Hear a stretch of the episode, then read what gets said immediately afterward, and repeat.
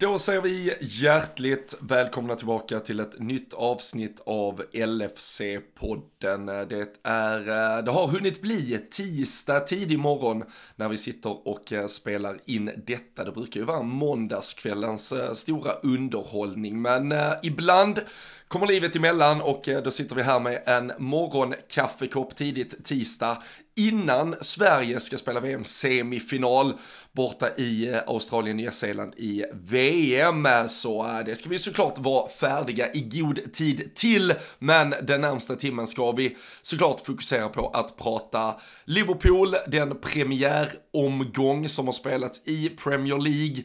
Eh, det, ja men nästan historiska fiasko som verkar utspela sig i kulisserna där sportcheferiet ur Liverpools eh, synvinkel kanske är det mest undermåliga vi har varit med om. Det har varit en speciell helg som har passerat och eh, vi ska sannoliken prata om allt som den har bjudit på här kommande timmen. Och eh, vi gör som vanligt avsnittet tillsammans med LFC.se i eh, alla de här turerna som är ja, men dels på planen men framförallt vid sidan av så kan vi väl varmt rekommendera att man håller sig uppdaterad där dagligen på allt som sker och eh, har man varit uppdaterad eh, gott nog senaste dagarna så har man också sett att Storträff Syd i Malmö har eh, fått lapp på luckan. Det betyder över 250 personer som har bokat in sig just nu så det är slutsålt. Men samma sak där, håll koll på lfc.se ifall vi får loss några extra platser. Då är det därigenom vi kommunicerar och därifrån man sen kan boka. Så man märker att säsongen är igång, det händer saker på alla fronter och eh, vi ska som sagt snacka godbitarna av det mesta från den senaste veckan nu.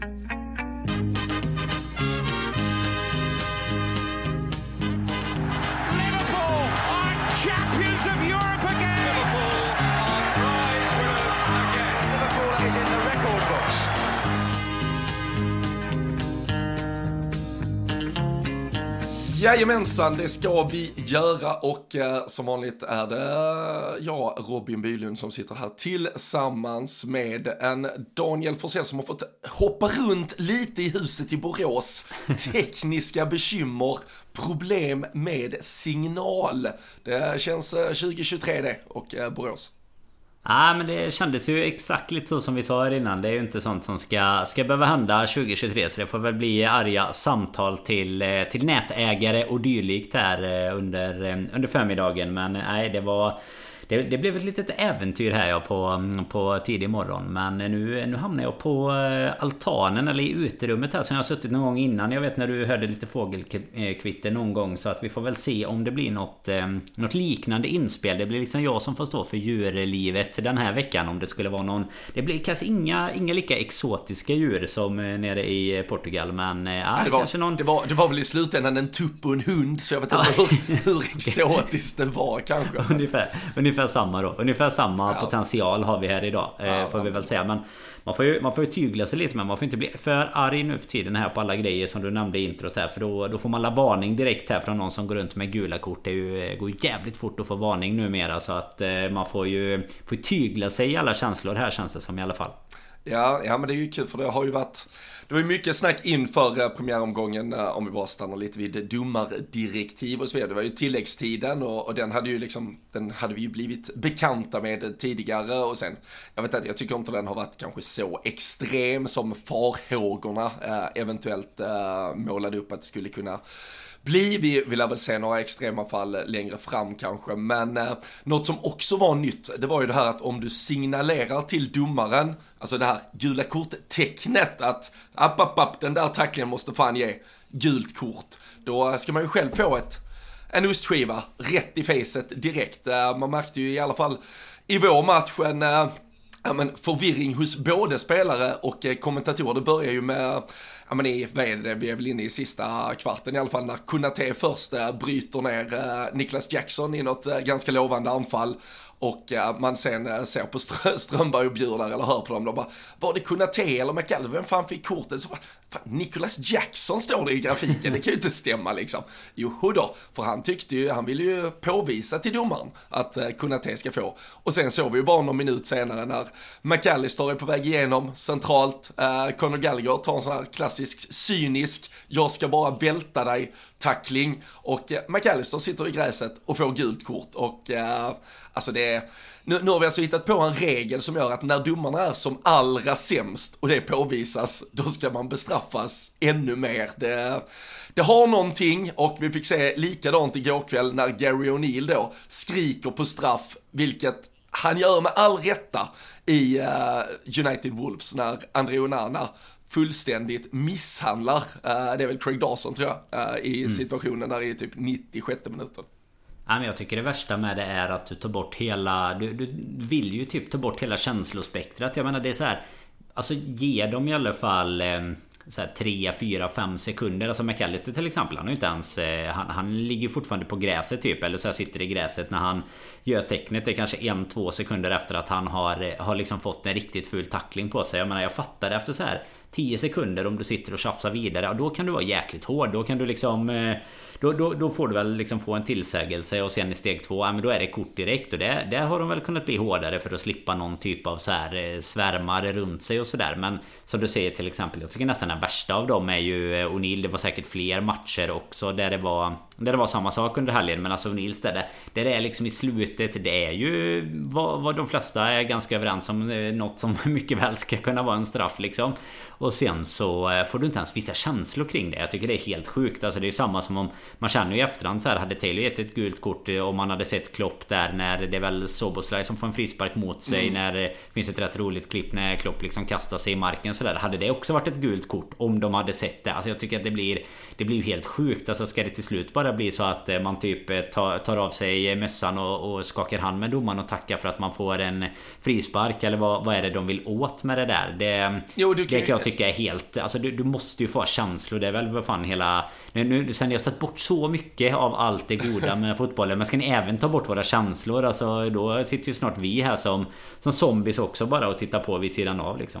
Ja, och det är, ju är två saker i det. För det första, om du nu eventuellt vill varna spelaren som skriker på gult kort, om du nu eventuellt inför den uh, idiotiska regeln, du måste ju fortfarande följa regelboken och varna Alltså den första ja. Alltså Kunate ska ju först ändå få ett gult kort för att han stoppar ett anfall. Gallagher ska ju få gult kort för att han stoppat dem. Sen då eventuellt också varna spelaren som enligt domaren då för högljutt typ eh, ja, gestikulerar efter en varning och vill typ sätta dit sin motståndare om det är det man... Men det kan ju inte sluta med, i båda de här fallen slutar det alltså med att spelaren som blir nersparkad får gult kort. Det, det är fullständigt vanvettigt och precis som du säger, den spelaren som, som får smällen, där måste vi ju ha tillåtelse till reaktion. Att vi försökte jobba bort det här när Alltså det svärmade, det var väl framförallt det här Barcelona-laget med ärkeas Jordi Alba i spetsen där de kunde stå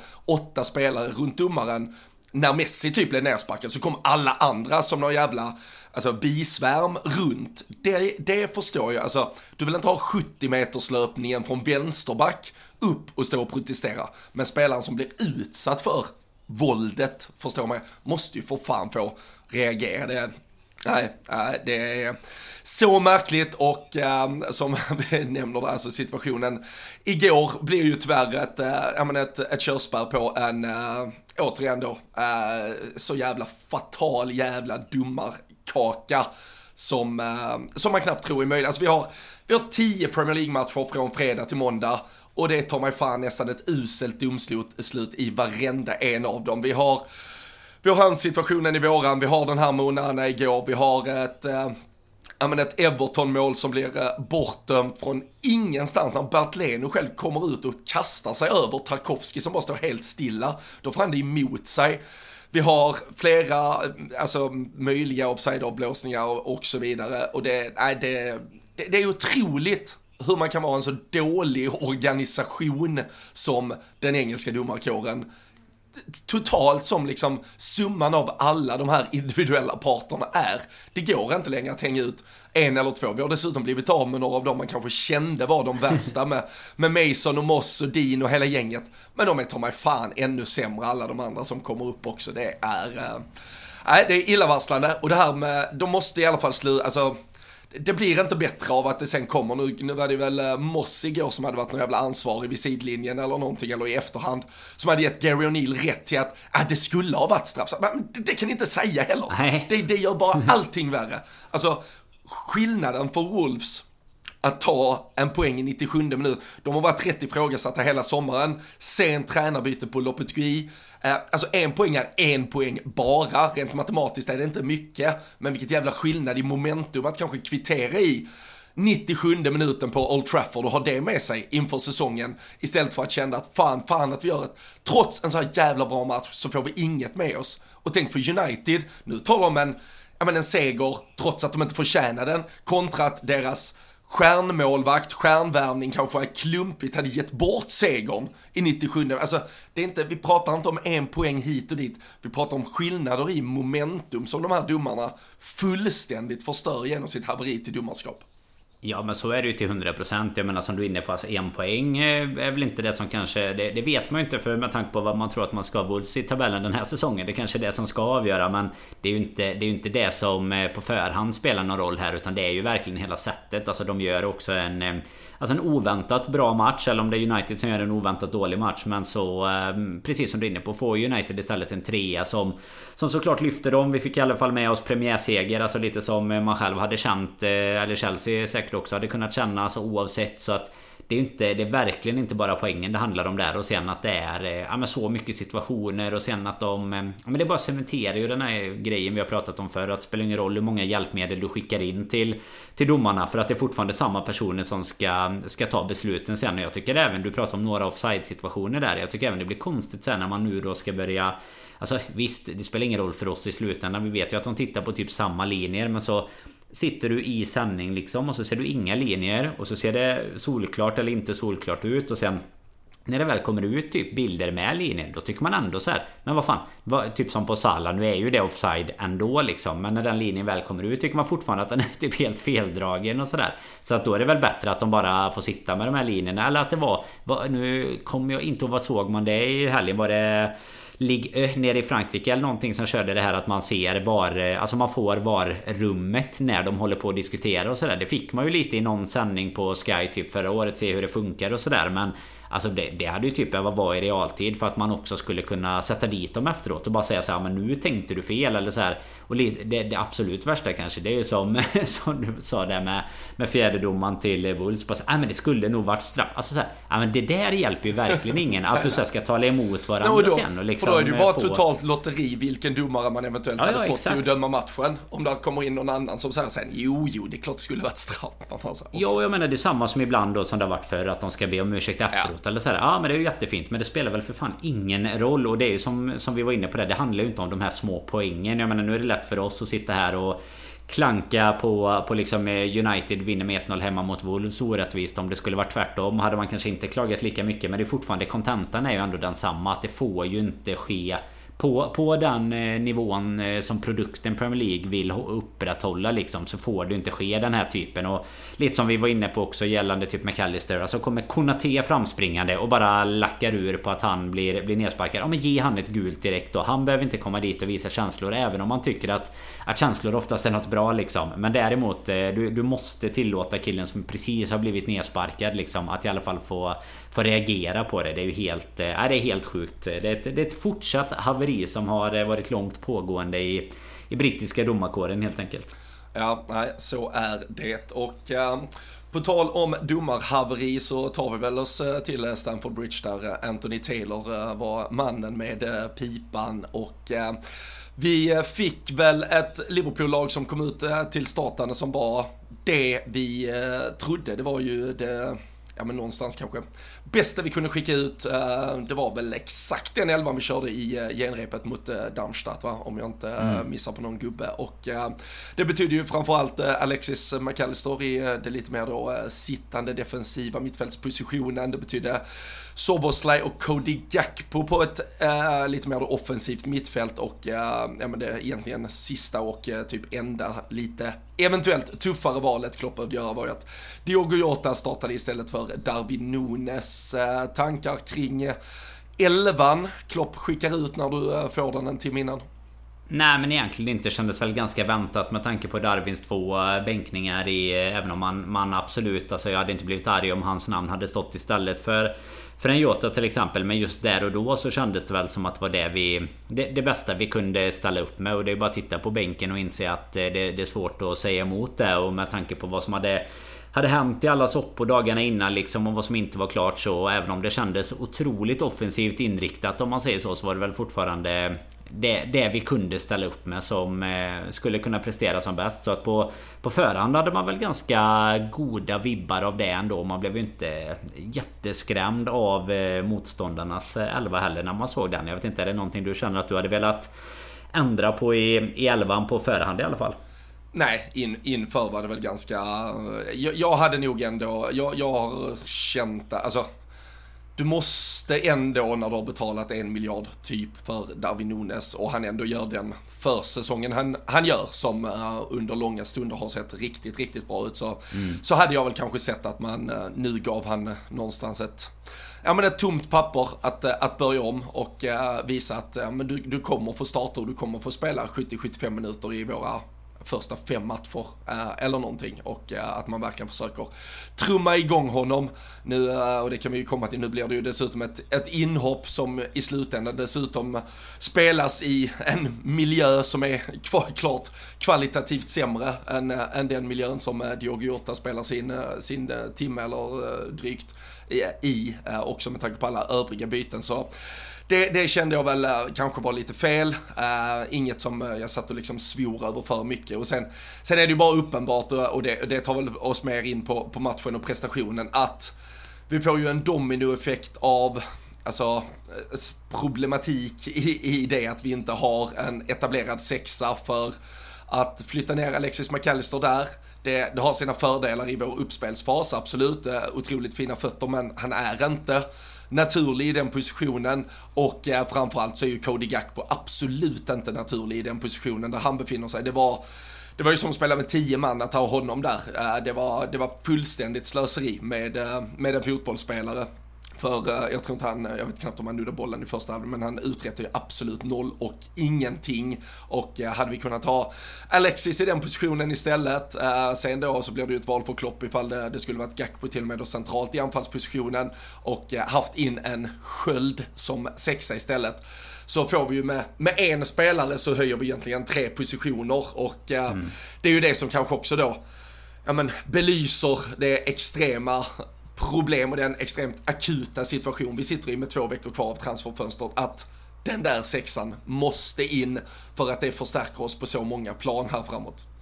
Ja, och ska man titta på det som är det, det mest direkta utöver att det givetvis förstärker andra positioner så är det ju att det är ett stort jäkla hål i, när vi ska försvara i, mot jo, Chelsea det var, i läget. Det var ganska precis uppenbart likadant. i båda det, det fanns, det, Precis, det fanns eh, anledning att förstå varför det var ett eh, budkrig på över miljarden för en Moises Casedo här alltså. För att det var Nej, det var ett... Eh, ja, var det ett domarhaveri så var det ett haveri till, till nummer 6-spel också. Det var ju... Det, det blir underhållande att titta på till viss del. Hade ju helst inte varit eh, känslor inblandade så hade det varit ännu, ännu mer underhållande för att eh, jag menar det blir ju inte...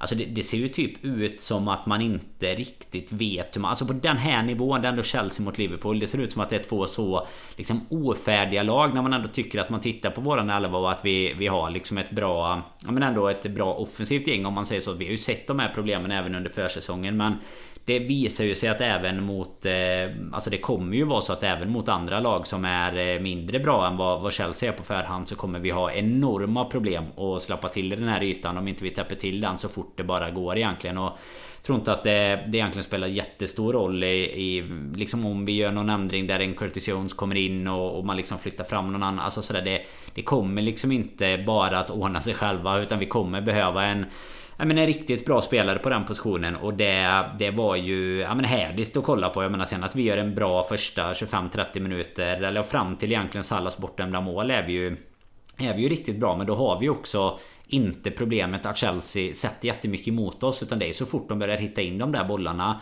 De börjar komma runt på kanterna alltså då, då har vi ju inte mycket att sätta emot. Det var lite de här tendenserna som som väl var ganska ofta under förra säsongen där man tyckte alltså så här, där vi startar sjukt bra och man tycker så här, alltså det här kommer ju bli Det kommer ju bli 3-0, det kommer ju bli 4-0 och sen bara försvinner något eh, Alltså på tal om momentum som vi snackade om tidigare så mm. Så försvinner det bara någonting och man känner att så här, får vi vara glada om vi kan hålla i Hålla i en poäng eller ens hålla det till, till ett måls nederlag ungefär. Alltså bara, det ändrar verkligen mitt under matchen bara helt eh, matchbild. Och man märker Man märker väl också till viss del att eh, det är första matchen också. Det är många, många ben som blir trötta lite tidigare än vad de eh, vad, man själv i alla fall tycker att de borde när man sitter Än vad man själv hade blivit, trodde jag du skulle säga då. Jag hör, visst, visst har det plingat i min min uh, klocka här uh, ibland. Uh, jag har ju dig som, som en av dem jag kan följa hur du, hur du tränar där ut. Men att du är i den formen, det, där kände jag att nu, nu, nu har hybrid, nu har fan, nu har hela altanen stått i lågor.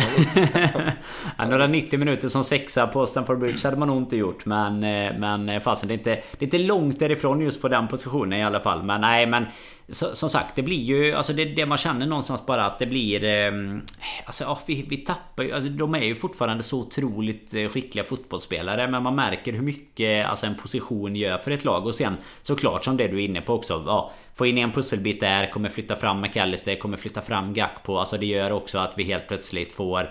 Får mycket mer symbios på, på resten av de nyförvärven som vi har gjort det senaste året också. Så att eh, det, det finns ju många bitar som... Ehm, som en sån transfer hade löst. Så det är ju absolut inte bara att vi behöver och, och eh, liksom titta på det första och största problemet som är att vi behöver någon som täcker våran backlinje. Men eh, det är många... En, en eh, sån, vad säger man, flerstegsraket skulle det bli av att vi skulle lyckas få in någon. Men ja, vi hamnar väl i det efter matchen sen vart vi ska, vart vi ska landa i våran defensiva mittfältsjakt. Vi får la... Ja, vi ska, vi ska såklart prata, prata mer om, om det. det. det. har väl varit kanske det, det enda det egentligen har pratats om de senaste dagarna. Men, men jag tänker mig, vi, vi, lite, lite andra saker. Jag tycker du är inne på det, det här med momentum är ju, det är ju uppenbart att det, det, alltså det, det som en gång var Mentality Monsters, det var ju ett Liverpool-lag som, alltså som, som fullständigt hatade att, uh, jag, jag, vet att alla hatar att förlora, alla hatar att släppa in mål, men jag, jag tyckte förr så såg man hur det brann i Liverpool om vi skulle släppa till någonting.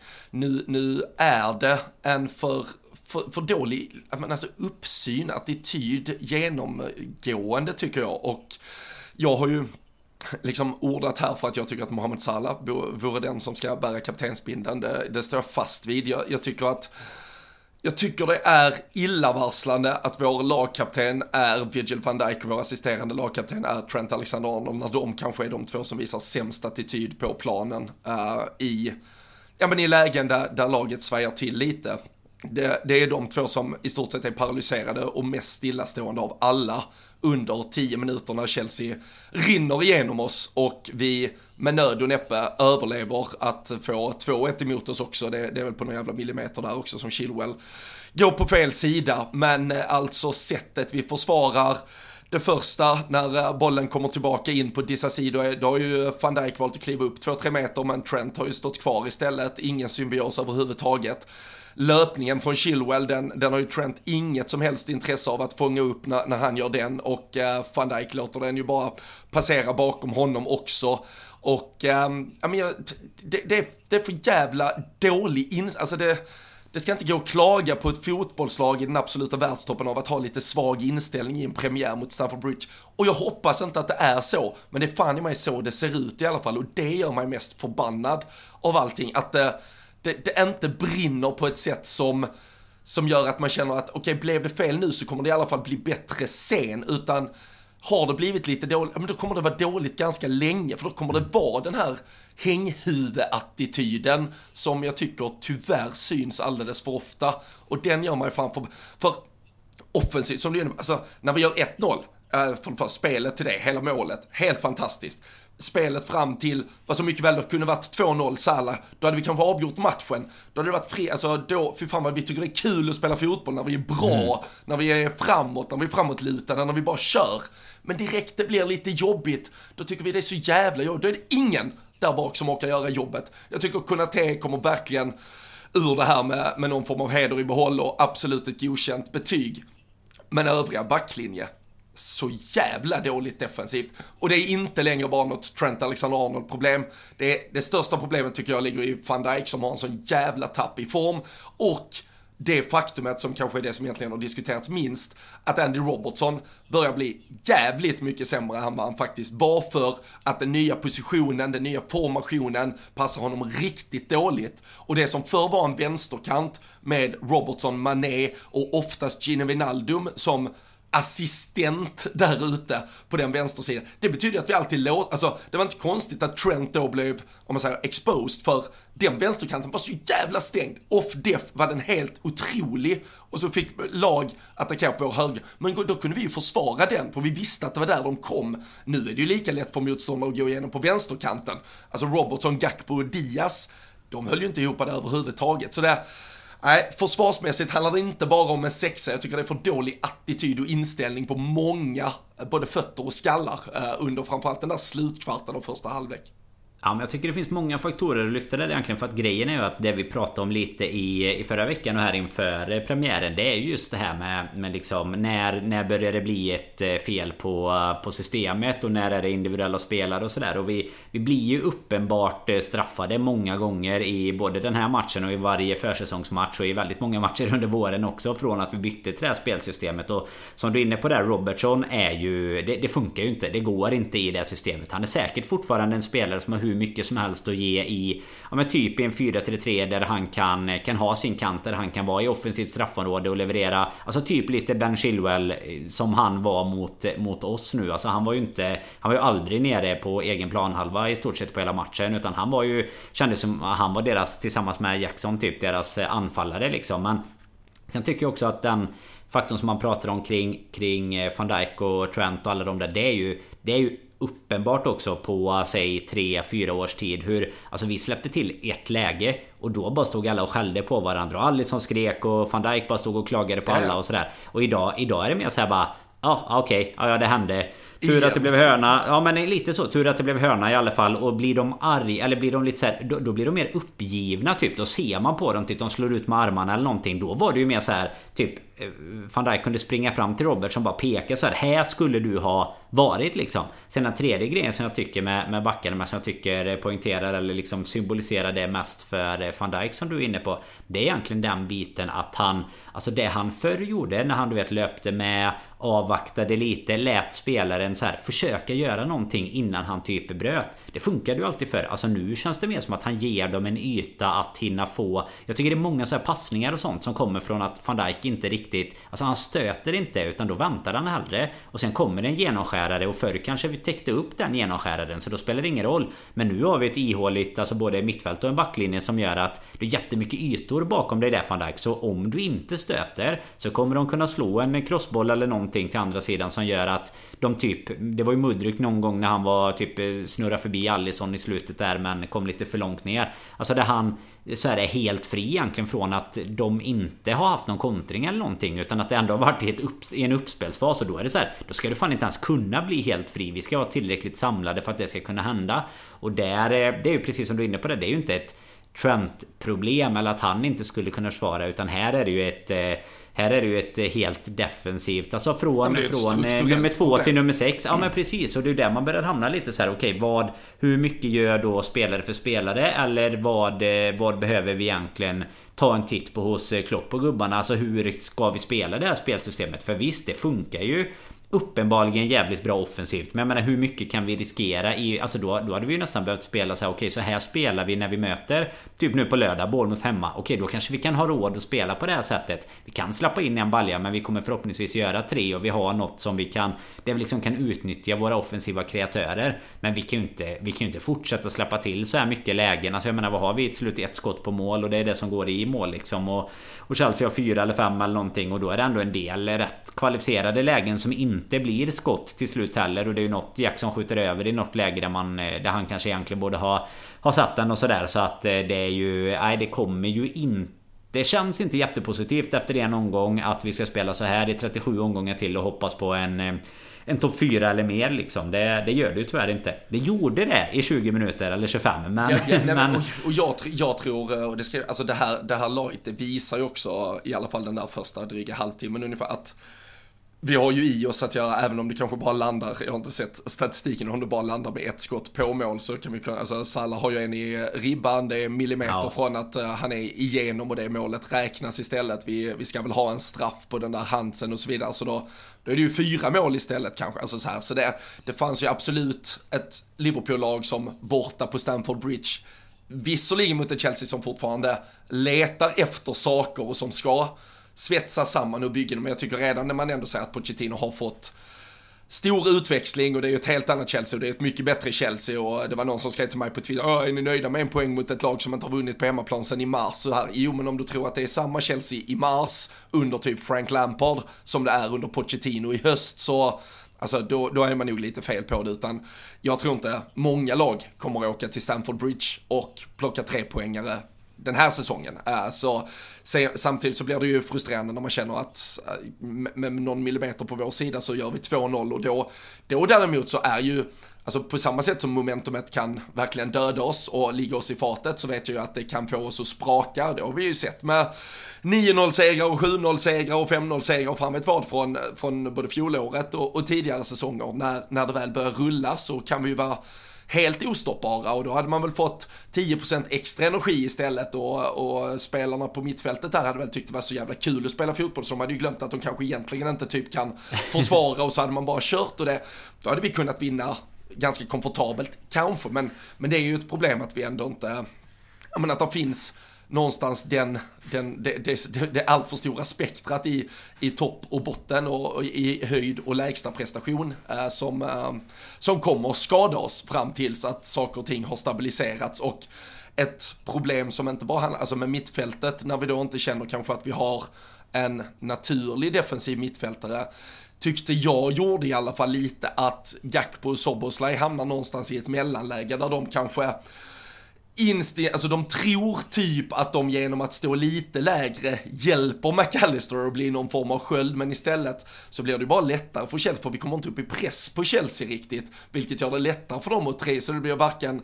hackat eller maligt, det blir ett mittfält som som hade kunnat kanske pressa höjd, där, där, om alla hade ställt upp det, då kanske vi inte hade behövt skölden, men eftersom alla typ vill hjälpa, för man, alltså det defensiva, så blir det inget av det. Vi kommer inte upp i press, samtidigt som vi inte heller försvarar ytan framför vår backlinje, så det blev ju ganska enkelt för Chelsea under stunder att spela sig igenom och eh, sen trä in den bakom när vi samtidigt försöker stå ganska högt med backlinjen. Så det, jag, jag tycker det var det vi pratade om. Alltså det var det vi pratade om lite innan matchen. Men alltså just det här att vi, vi kan vinna så mycket på att pressa dem högt. Och det är det jag tycker vi gör bra. Alltså de första 15-20 i alla fall innan. Alltså både, både när målet kommer men sen alltså ända fram till egentligen. Ja men som du säger Sallas bortdömda. Som såklart också hade vridit momentumet för Chelsea. Kanske hade rasat helt liksom. Men, men där, där är vi uppe och pressar mycket. Medan vi när vi börjar falla tillbaka. Då släpper vi verkligen in dem. Sen tycker jag som du är inne på. Man får väl...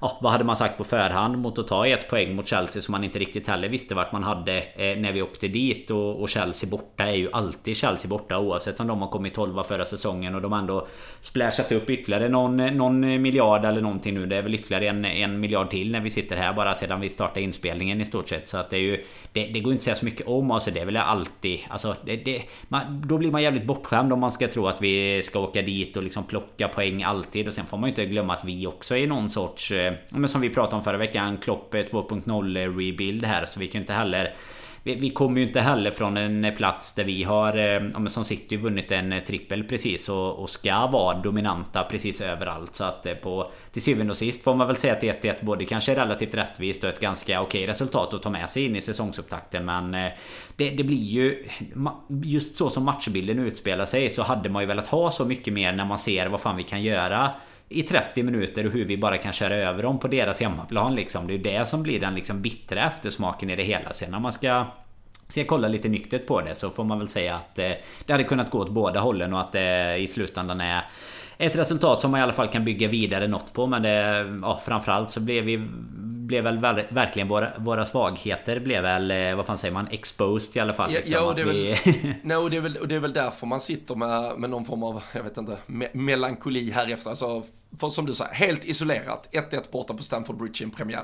Det är helt okej. Okay. Uh, alltså om, om man inte hade sett matchen, man går bara in och kollar livescore, 1-1, okej. Okay fine, alltså det får man väl ta. Uh, det, sen, sen blir det ju, alltså det som, ja men det, det som frustrerar är ju att det var, att vi såg exakt allt det vi har sett under försäsongen. Alltså, så här, det är ju fullt rimligt att vi ser saker vi har sett under försäsongen, men det var ju så uppenbart att det fanns mycket från försäsongen vi inte ville se. Och det var ju just hur, ja men uh, hur, hur uh, öppna vi, vi var defensivt mm. och uh, hur stor skillnad det är i högsta nivån i vad vi kan prestera offensivt och lägsta nivån i hur tyvärr illa det kan se ut defensivt när vi inte är på ja, men fullständigt påkopplade till 110% och eh, det, det gör ju att man man känner att visst, vi förhoppningsvis kanske vi köper oss eh, en vecka för eh, Bournemouth hemma finns det väl anledning att tro att, eh, eller förhoppning åtminstone, att, att vi ska kunna klara med, med befintligt material. Men, men man känner ju precis som vi nämnde inledningsvis att 30 36 omgångar efter Bournemouth hemma så, så är detta inte hållbart eh,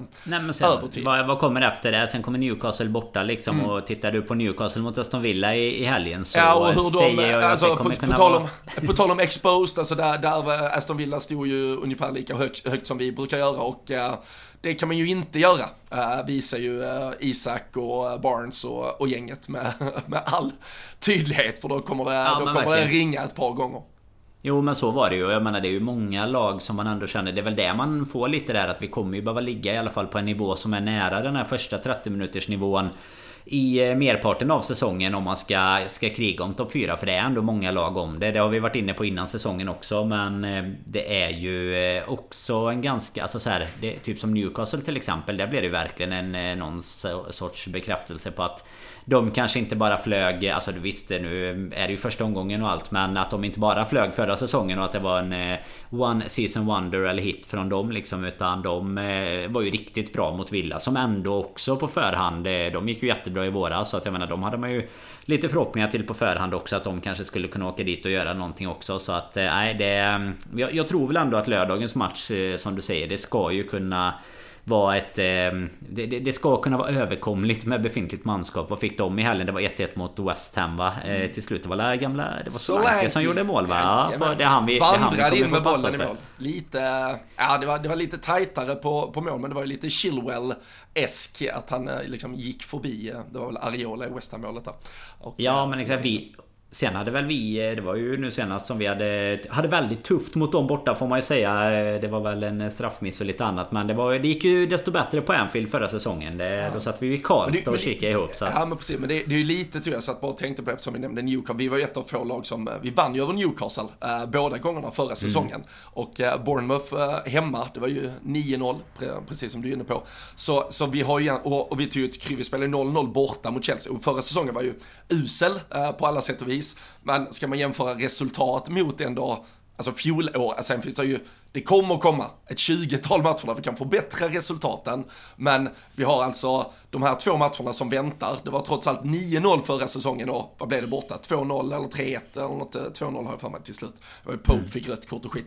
Så det är ju ändå matcher, ska vi bara gå, ska vi bara vara lika dåliga så att säga som förra året så måste vi ändå vinna de här två matcherna. Ja. Annars är vi på minus i förhållande till eh, förra året. Så det... Ja men så, nej, men så är det ju. Sen som du säger, det kommer väl en 20 eh, andra matcher där vi borde kunna förbättra, förbättra våran poängskörd. Men det är, ju, det är ju exakt så. Det är ändå så man får, får jämföra lite och sen, eh, ja men att vi att vi, att vi hittar tillbaka till någon typ av eh, stabilitet defensivt. Det är ju det som kommer vara det viktiga och det kommer ju inte bara lösa sig. Alltså det, det är snarare som vi är inne på nu. Nu eh, känner man ju snarare att vi, vi kanske kan överleva det mot Bournemouth också. Men det är ju, det är ju inte något som bara kommer att fixa sig själv bara för om vi väntar tillräckligt länge liksom. Utan eh, det är väl det, det, är väl det som vi verkligen kommer behöva ta tag i framöver här i alla fall.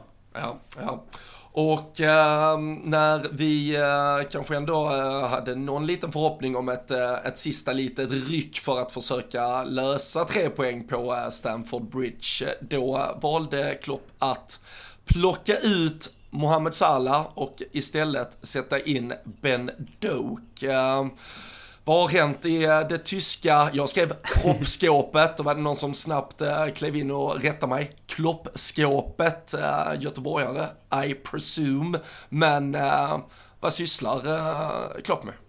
Nej men det, jag, jag kan inte heller fatta. Alltså det, oavsett vad så alltså du, du kan väl byta ut... Eh, du kan byta ut Diaz, du kan byta ut de andra. Alltså men, men Salah, det har vi väl lärt oss tillräckligt många gånger att det är ingen idé att gå dit och, och pilla liksom. Och det var ju någon som eh, skrev, jag kommer inte ihåg vem det var efteråt. Men så här, ja, men undrar om, eh, om, om de typ fem toucherna som Doke eh, tog var värt att liksom piss off your best player by, by far liksom. Och det, det ligger väl ganska mycket i det. Eh, att det kanske inte riktigt är värt det på något sätt. Utan Salah har ju ändå, alltså oavsett hur mycket eller lite han gör i, i andra halvlek så har han ju ändå det här, alltså typ som ribbskottet till exempel. Han lägger upp den på fel fot och bara viker in den i ribban liksom. Alltså han får, han får, ja, jag, jag han får världens sämsta boll till sig. Ja. Han lägger upp den med fel fot, har ändå press en meter från sig typ och viker den i kryssribba. Eller, ja, så han ska få... Han, jag kommer inte ihåg vem det är, om det är Gakpo eller om det är Diaz ja, eller vem det är som alltså. passar till honom. Men alltså passningen är ju usel. Alltså han ska få den på vänstern och kunna smälla direkt. Där får han en jättedålig passning, får lägga upp den och precis som du säger, ett läge från ingenstans då. Jag menar, de lägena kommer ju inte från ingenstans för en Harvey Elliot eller en Ben Doak. Så är det ju. Även om jag tycker att Elliot är den bättre av dem när han kommer in i alla fall. Han är lite mer inblandad i spelet. Men jag menar det var ju som, som jag sa där när, du, när vi pratade startelva. Alltså bänken är ju av, eh, alltså för ett lag av vår kaliber. Alltså jag, jag vet inte vad man ska säga ens. Alltså så får det inte se ut när vi, när vi ska åka till Stamford Bridge. Jag menar oavsett hur eh, vart man åker liksom. Alltså det, det där är ju... Vi snackar ju nästan jo, jo. ligacupgänget liksom. Alltså det... Så, så tycker inte jag det får vara då. Det är ju något eh, magnifikt fel som vi har gjort eh, under transfersommaren då. Då är det ju bättre att ha lite av det här av de här åtta spelarna som vi har gjort oss av med. Då är det väl bättre att ha haft en James Milner och kunna kasta in eller någonting. Jag vet inte men alltså det där det, det, kommer ju inte hålla. Alltså får vi två skador, vad fan gör vi då?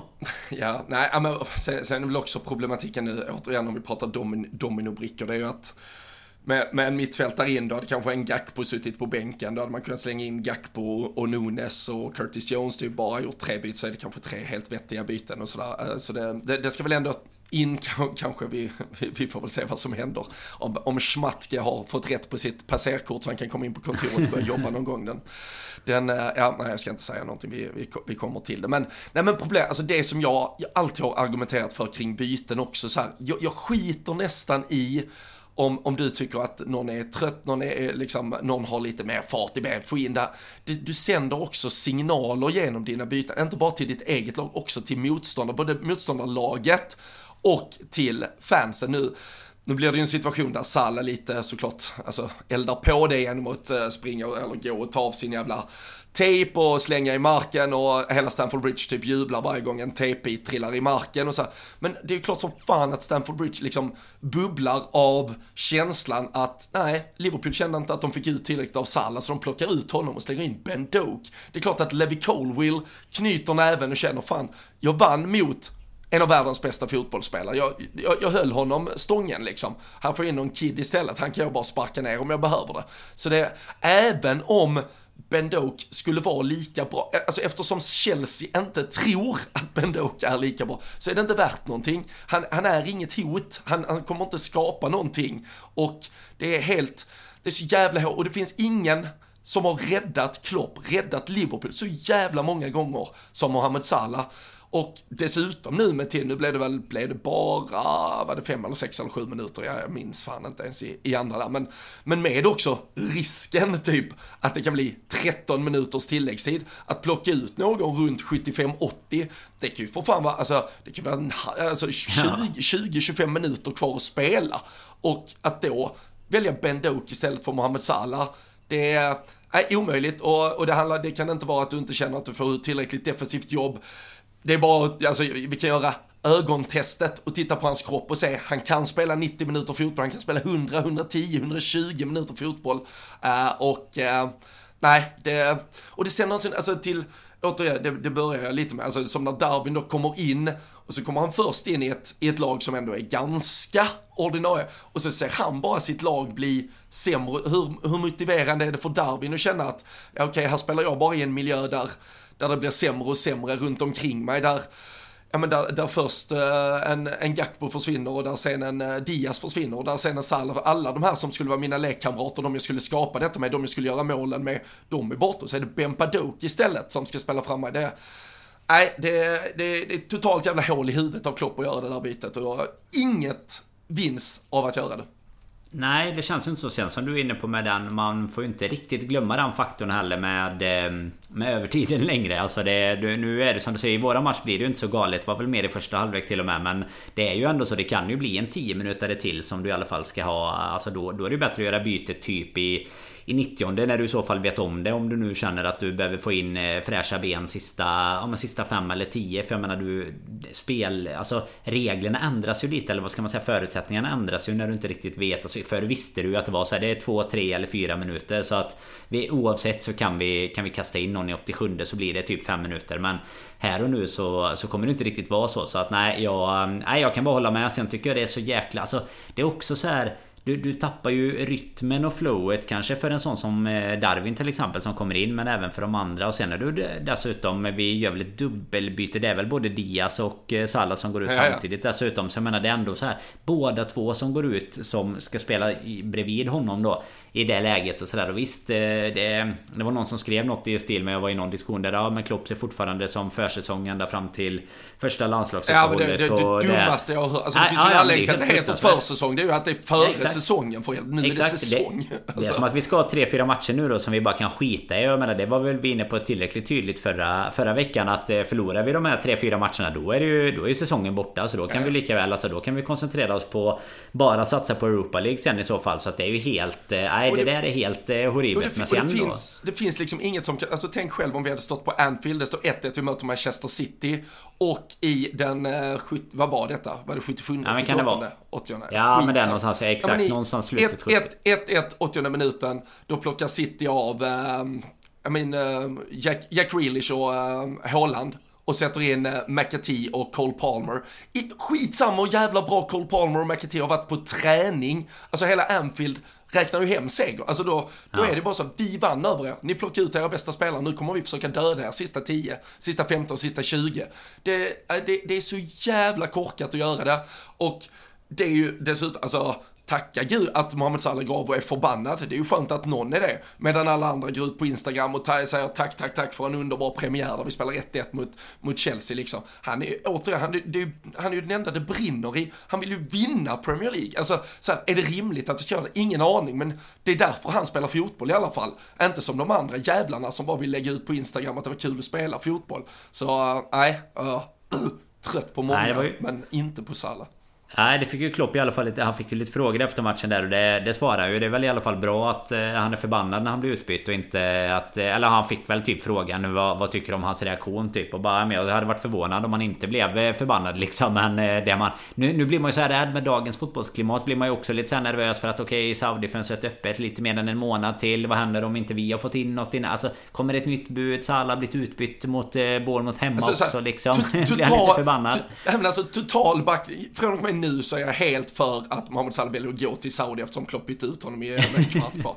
Ja, men då, då får Klopp skylla sig själv. Fy fan. Ja. Och så hoppas jag att Salah säger det. Nej, när, när han bytte in Ben Doak eller vad han nu heter istället för mig, då fick jag nog. Då det var då jag visste. Det var då, då, då ringde jag till shejkerna. Ja, då, då, ja, fy fan. Fy fan. Då får Nej, Rami Abbas Issa få jobba stenhårt nu äh, kommande veckor. Men ja, nej, nej, pissigt äh, var det. men till syvende, ja, till syvende och sist med, med liksom då 1-1 i ryggen i alla fall. Jag tror att det var den Phil Rapp som var inne på det och snackade om det i, i sin podd efter matchen här. Att det är ju, det är ju mer sällan än vad jag tror att folk tror att man bara går och plockar. Alltså även City typ förra säsongen om, de, om du kollade liksom ja, det var bara två av tio toppmatcherna. Ja men exakt. Exakt och jag menar då, det får man ändå lite ha med sig då när man tittar på det nyktert efteråt att, eh, att ett 1-1 mot Chelsea var ju inte de bland de 10 bästa men de blir väl förmodligen det denna säsongen i alla fall. Då, det får man ändå Ja men ta på förhand lite som du sa. Man, hade man bara tittat på, eh, på livescore och man är neutral eh, utanför så tycker man nog att ja, det, var ju, det var ett rätt bra resultat för, för Liverpool på förhand. Liksom.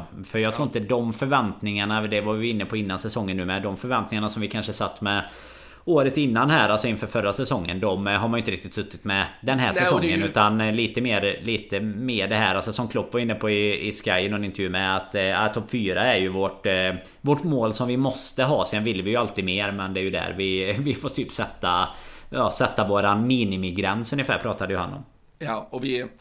Vi, vi har ju också kanske efter, eftersökt ett, eller, ja, men ett Premier League där man inte behöver vinna varje match, man inte behöver ta 97 poäng och ändå se sig blåst på konfekten i slutändan utan uh, spela kryss borta mot de 5-6 uh, bästa lagen uh, ska ju vara fullt rimligt att göra utan att man känner att uh, säsongen är över. Så vi, mm.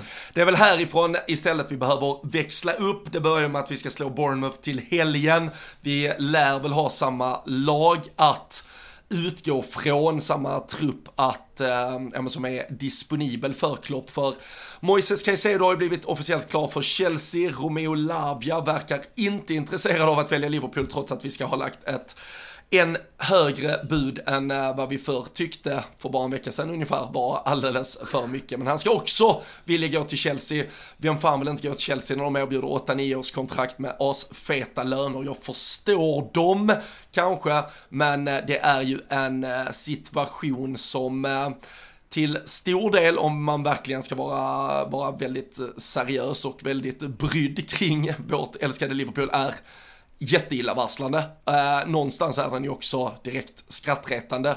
För eh, frågan är ju vad fan Jörg Schmatke och eh, vad som nu är, vi vet ju inte riktigt, den sportsliga ledningen håller på med. Eh, för eh, just nu är det ju hela havet stormar och man jag vet inte om man ska lida med Klopp, han är väl också involverad i detta, men han sitter alltså på en presskonferens under fredagen, säger vi har fått ett bud eh, accepterat av Brighton, vi jobbar vidare på den här affären då eh, vad gällde Caicedo, eh, och nu står vi med absolut ingenting istället. Och det Ja men det är ett, ja men sällan skådat haveri till sportcheferi. Ja, och det var väl det, det bästa med att det till slut blev, blev lite spel inne på planen i söndags. Hur frustrerad man än kunde vara under de 90 minuterna så var det väl eh, skönt att, eh, att det blev fokus på något annat. För det som hände där i, i två, tre dagar innan var ju något... Eh, alltså det är ju...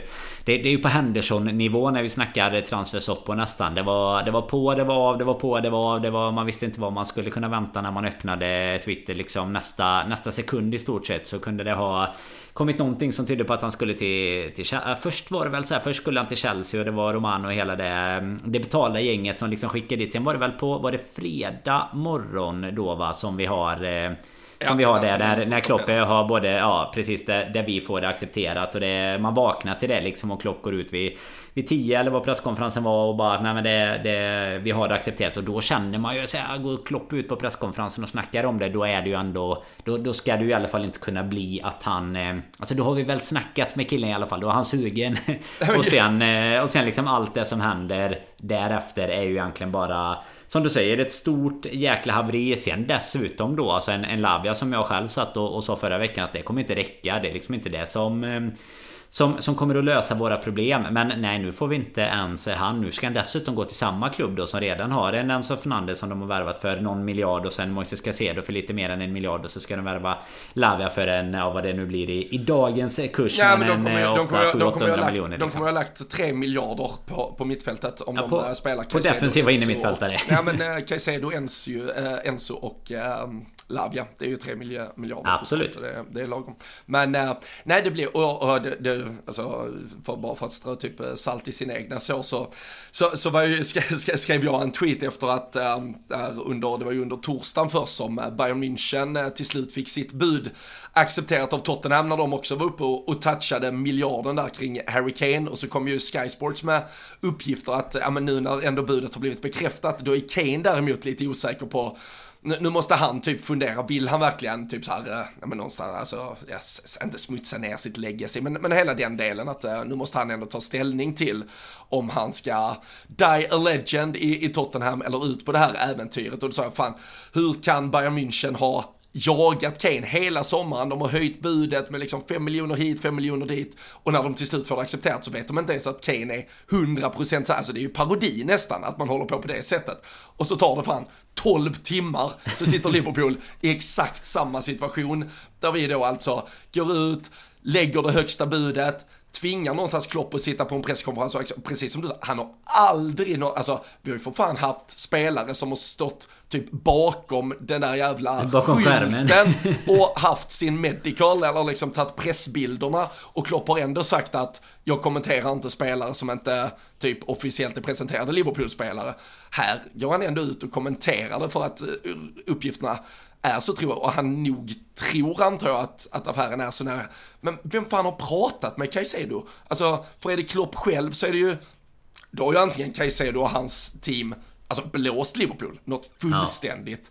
Ja. Eller om det då är Schmatke och alltså gänget eh, runt omkring där som, som har gjort detta och det har behandlats så här dåligt och man inte har haft garantier från Caicedos team att om man blir högsta budgivare så får man det. Det, alltså, att ge sig in i en budgivning utan att veta att när budgivningen är klar så, så har man typ vunnit. Det, nej, det är... Det är så jävla dåligt, jag skrev det att, att det har gått från Michael Edwards och hans sätt att sköta affärer till att vi nu står med Jörg Schmatke som en jävla sommarjobbande interimlösning där vi under den här sommaren dessutom kanske hade vårt viktigaste fönster framför oss någonsin. Nej men under Klopp i alla fall. Och med den stora ombyggnationen där vi skulle ge Klopp chansen att ändå få tre år till med något, eh, jag men, han kallade det väl själv Liverpool reloaded och Klopp 2.0 och fan och hans muster och hela hela skiten kring det, men eh, det, det enda vi har lyckats lösa är liksom en, en McAllister som Julian Ward under hela våren antagligen har dratt alla strängar kring för, för det var ju klart samma dag i stort sett som fönstret öppnade. Och eh, där vi sen då värva Soboslaj till en utköpsklausul utan eh, någon som helst konkurrens från andra klubbar. Så det har egentligen inte gjorts något som inte du och jag hade kunnat göra här, så det handlar om att trycka på två knappar.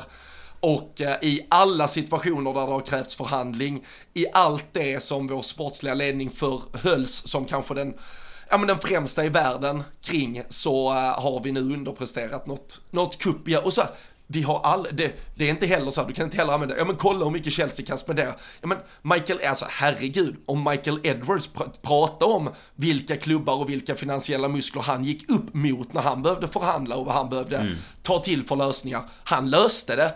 Jörg Schmack har ju noll. Och den, finns han? Alltså har man sett honom? Nej, jag, jag undrar vad fan vi sysslar med på, uh, ja men i, i den sportsliga ledningen den här sommaren. För det, det ser inte bra ut. Nej det tycker jag att man hamnar i lite samma frågetecken som att så här är det, är det spelarna eller är det systemet liksom som det är fel på? För det är precis som du säger alltså att, att eh, ledningen och det som var så jäkla vältrimmat och, och fungerande kring både övergångar och sånt här under, under ett antal år att det bara skulle liksom eh, försvinna. Det måste ju finnas antingen Alltså det, det finns ju bakomliggande orsaker till varför både en Ward och en Edwards har, har lämnat såklart. Och jag menar är det som, som många snackar om att, det, att eh, Pep Linders och Klopp vill vara för involverade och att de bara ska vara någon typ av eh, ja, puppets till dem liksom som de bara ska kunna, kunna styra och då, då har vi ett annat problem som, som även beror på Ja, som går ut över att eh, de vill göra andra saker än det som de egentligen är, är bäst på liksom. Men det, det kan man ju bara spekulera i men det är ju det är bara att konstatera att det är ett... Eh, alltså vi, vi sitter inte på samma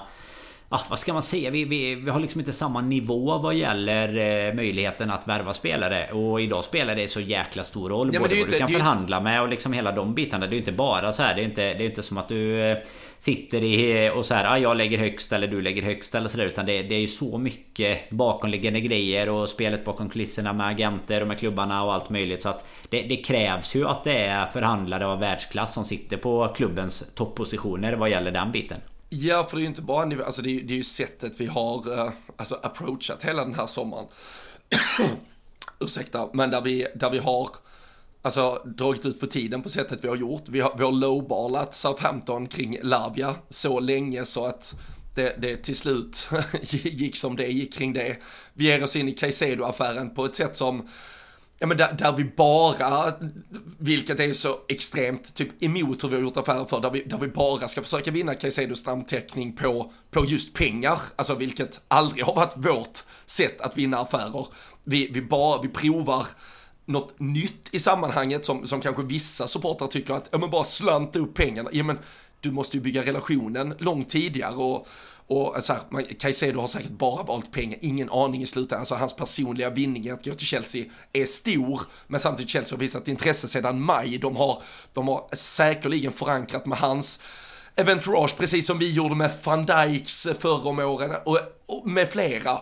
Där vi sa, när, när vi väl är överens med klubben, då kommer du till oss. Ja, det gör jag. Bra, så. Så har man det klart. Liverpools sätt att ta sig an hela sommaren har ju varit jättemärklig. Och vi har ju suttit frågande här hela sommaren vad fan man har sysslat med. Och det var, det var namn som kändes väldigt nära i början på sommaren mm. som verkar ha runnit ut i sanden utan att någonting egentligen verkar ha hänt och man förstår inte varför. Och äh, nu, nu står vi i en extremt prekär situation och eh, jag tycker att, så här, jag tycker inte bara det verkar vara rykten längre kring, alltså Michael Edwards och, och Julian Ward, att de har känt att de till slut har blivit lite bakbundna i sitt jobb och inte riktigt har fått göra det på sitt sätt utan att att framförallt Pep Linders eh, allt större inverkan och, och, och liksom påverkan på Klopp och, och, hur man ska bygga det här laget har, har varit så pass stor så att eh, det har, det har liksom inte varit så, så, så kul eller egentligen så så ja, men utmanande och eh, så, så, roligt kanske att göra det riktiga sportchefsjobbet. För, för det har varit andra,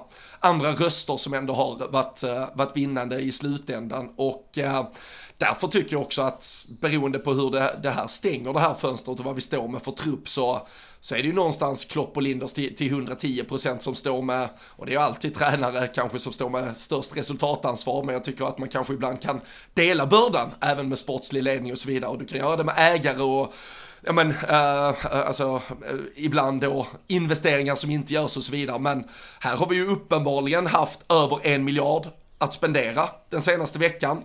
Eh, och eh, finns de pengarna så har ju ägaren trots allt gjort lite sin del i detta. Sportchef har vi ju valt att typ inte ha, vilket måste vara alltså eh, signed off från Klopp att de känner att de lite ska leda den här verksamheten själv. Så truppen Klopp och Linders och gänget står med den första september. Det kommer helt och hållet vara deras egna jävla trupp. De kommer bära resultatansvaret. Och jag tycker man första gången, kanske ungefär kring jul, kan ifrågasätta Jörgen Klopp beroende på var vi står när vi har spelat ett halvår av kommande säsong. Ja men framförallt tycker jag om det om det är Alltså om det precis är på det sättet För jag menar där, vi har både den här biten då vad gäller eh, Vad gäller ja, men det kan ju inte finnas, det, det, finns ingen liksom. annan, det finns ingen annan i klubben som har mandat att säga att när vi kör utan sportchef Alltså FS, alltså det, det är ju för att Klopp har varit där i sju och ja. Hade vi haft en tränare som hade varit där i två månader hade ju inte han kunnat säga till det, alltså till Billy Hogan och, och styret att bara säga, nej men jag tar detta på, jag, jag styr skeppet, alltså det hade man ju inte tillåtit. Men Klopp har ju uppenbarligen den makten att göra det. Ja och då både den biten och sen har du det med spelsystemet som vi har varit inne på som vi inte får att fungera alls defensivt liksom. Så det är precis som du är inne på så Så måste du hålla dem till 110% ansvariga. Sen tycker jag att det är ett stort problem som kommer uppstå nu. Alltså nu Nu är det klassiska sägningen, det är ju inte våra pengar ändå. Men jag menar, nu har vi ändå visat plånboken. Nu har vi visat vad som finns där. Alltså det är inte direkt så att om vi börjar bli sugna på lite andra spelare eller så här, typ nu då om vi ville gå tillbaka till en Till en Lavia till exempel. Det är inte så att de tänker ah men du vi, vi tar nog era 46 miljoner pund istället istället för de där 50 då? För ni verkar ju ha det lite tight just nu. Nej, för, för att ni la precis upp liksom ja, men 111 eller vad det nu handlade om på, på en Caicedo liksom. Så att jag menar vi Alltså vi, vi, har ju, vi har ju spelat alla kort så otroligt fel man bara kan spela liksom. Det, det känns som att det är... Eh, Ja, men det, det är ett eh, haveri på så många plan vad gäller det. Och är det då hela den här biten med att, eh, att Klopp och de är griniga och sitter på sin, eh, på sin kammare och ska ha precis sina grejer. Då tycker jag också att hela, hela den här FSG Out-maffian som liksom jagar den efter varje avsnitt man släpper av den här podden egentligen. Jag menar det kan man ju också tycka då. Om vi nu är beredda på att lägga över miljarden på Caicedo som jag kan tycka är lite alltså priserna är ju vad de är och det är svårt att säga att man eh, Ja, att man ska kunna göra på andra sätt nu mer och det var ju Klopp inne på på den där presskonferensen också. Men jag menar det, det går ju inte att sitta och, och klaga FSG out på att Caicedo inte kommer till Liverpool. Att vi skulle hostat upp ännu mer. Utan där är det uppenbart någonting som vi har gjort mot honom, hans team eller vad, vad som helst som gör att han till slut inte väljer att, att gå med. Då, han ser Chelsea som mer attraktivt helt enkelt och då, då kan vi absolut inte klaga, tycker inte jag, på ägare och så vidare och den strukturen. Utan då har vi ju andra problem och, och när det blir ett återkommande mönster, om det blir fler spelare, då är det fan... Då har vi ett verkligt problem som vi, som vi verkligen behöver ta tag i på ett ja, eller annat alltså, sätt framöver liksom. Ja, alltså Schmatke har ju fått ett fulladdat jävla kreditkort sen att han inte fattar hur liksom snabbkassan på Han fick inte funkar. koden. Nej, jo, kodjäveln har han också. Han bara fattar inte hur fan man ska blippa varorna eller någonting. Nej, nej, fy fan, förbannad är man. Eh, det är gött, det betyder att eh, Premier League-säsongen är igång när det finns ungefär 300 saker som gör en frustrerad varje dag. Men eh, vi har blivit långa, vi är över timmen redan. Bournemouth väntar till helgen, vi behöver inte snacka mer om den tycker jag, utan vi blickar bara framåt. Vi gratulerar Dennis Ernst som var bäst på tipset här i helgen som gick. Det kommer ny tipstävling inför Bournemouth i slutet av veckan. Då vet ni att det är Patreon patreon.com slash LFC-podden som gäller. Alltid ett härligt prisbord från Sam Dodds där och eh, annars är det ju, håll er uppdaterade på LFC.se i veckan. Vi är eh, tillbaka efter att vi förhoppningsvis har eh, replikerat fjolårets 9-0 mot eh, Bournemouth, eh, eller om vi kanske trumfar det upp på tvåsiffrigt. Vi, eh, vi får se. All out attack lär det bli i alla fall och eh, ni eh, fortsätter att lyssna på LFC-podden. Vi eh, kommer snart tillbaka med ett nytt avsnitt så ta hand hand om er så länge.